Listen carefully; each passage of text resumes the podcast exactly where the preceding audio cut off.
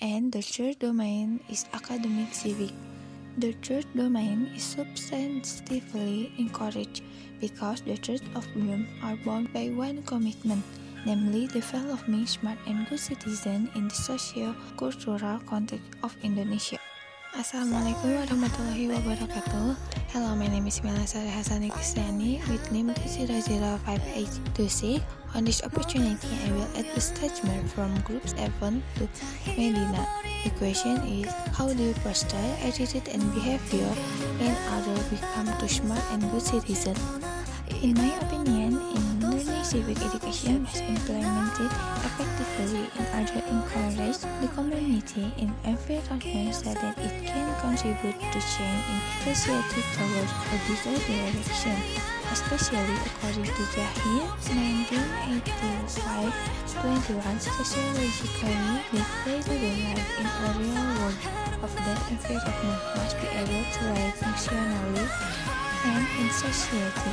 According to Winara Putra 2001, civic education is the field of education which has three domains, with the first domain being school civic, then the second domain community citizenship. I think that's all from me. Thank you for your attention.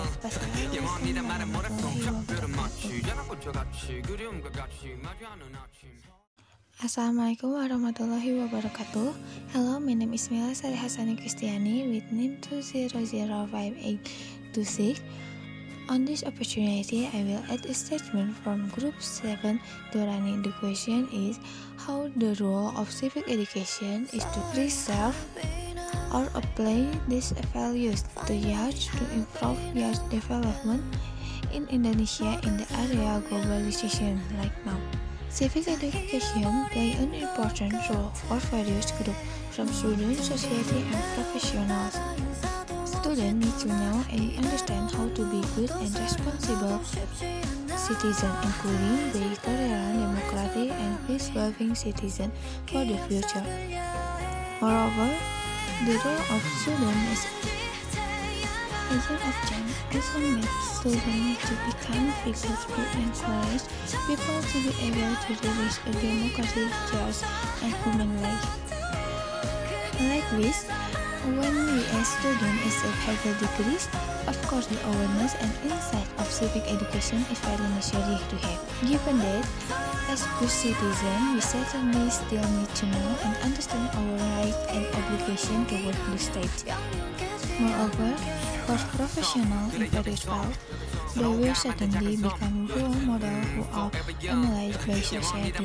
Professionals will also certainly apply this insight into civic education in the world of work and life in society, nation, and states.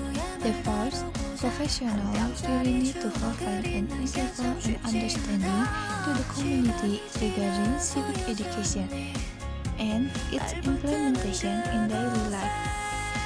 I think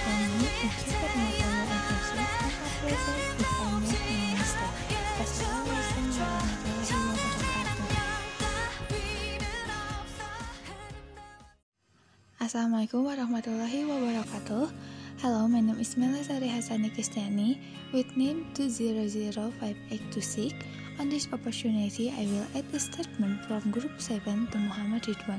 The question is, with the many negative effects of globalization affecting the next generation of nation, is the role of civic education needs to overcome this problem? In my opinion, civic education has a vital role in shaping one personality so that it has a nationalist spirit. From childhood, we is styled a sense of love for our country. Even when we were in college, we still had to have awareness of this country. This made a mindset that would have an impact on the progress of this nation. Even professionals must have an attitude of nationalist awareness. They are more required to build this country and become a role model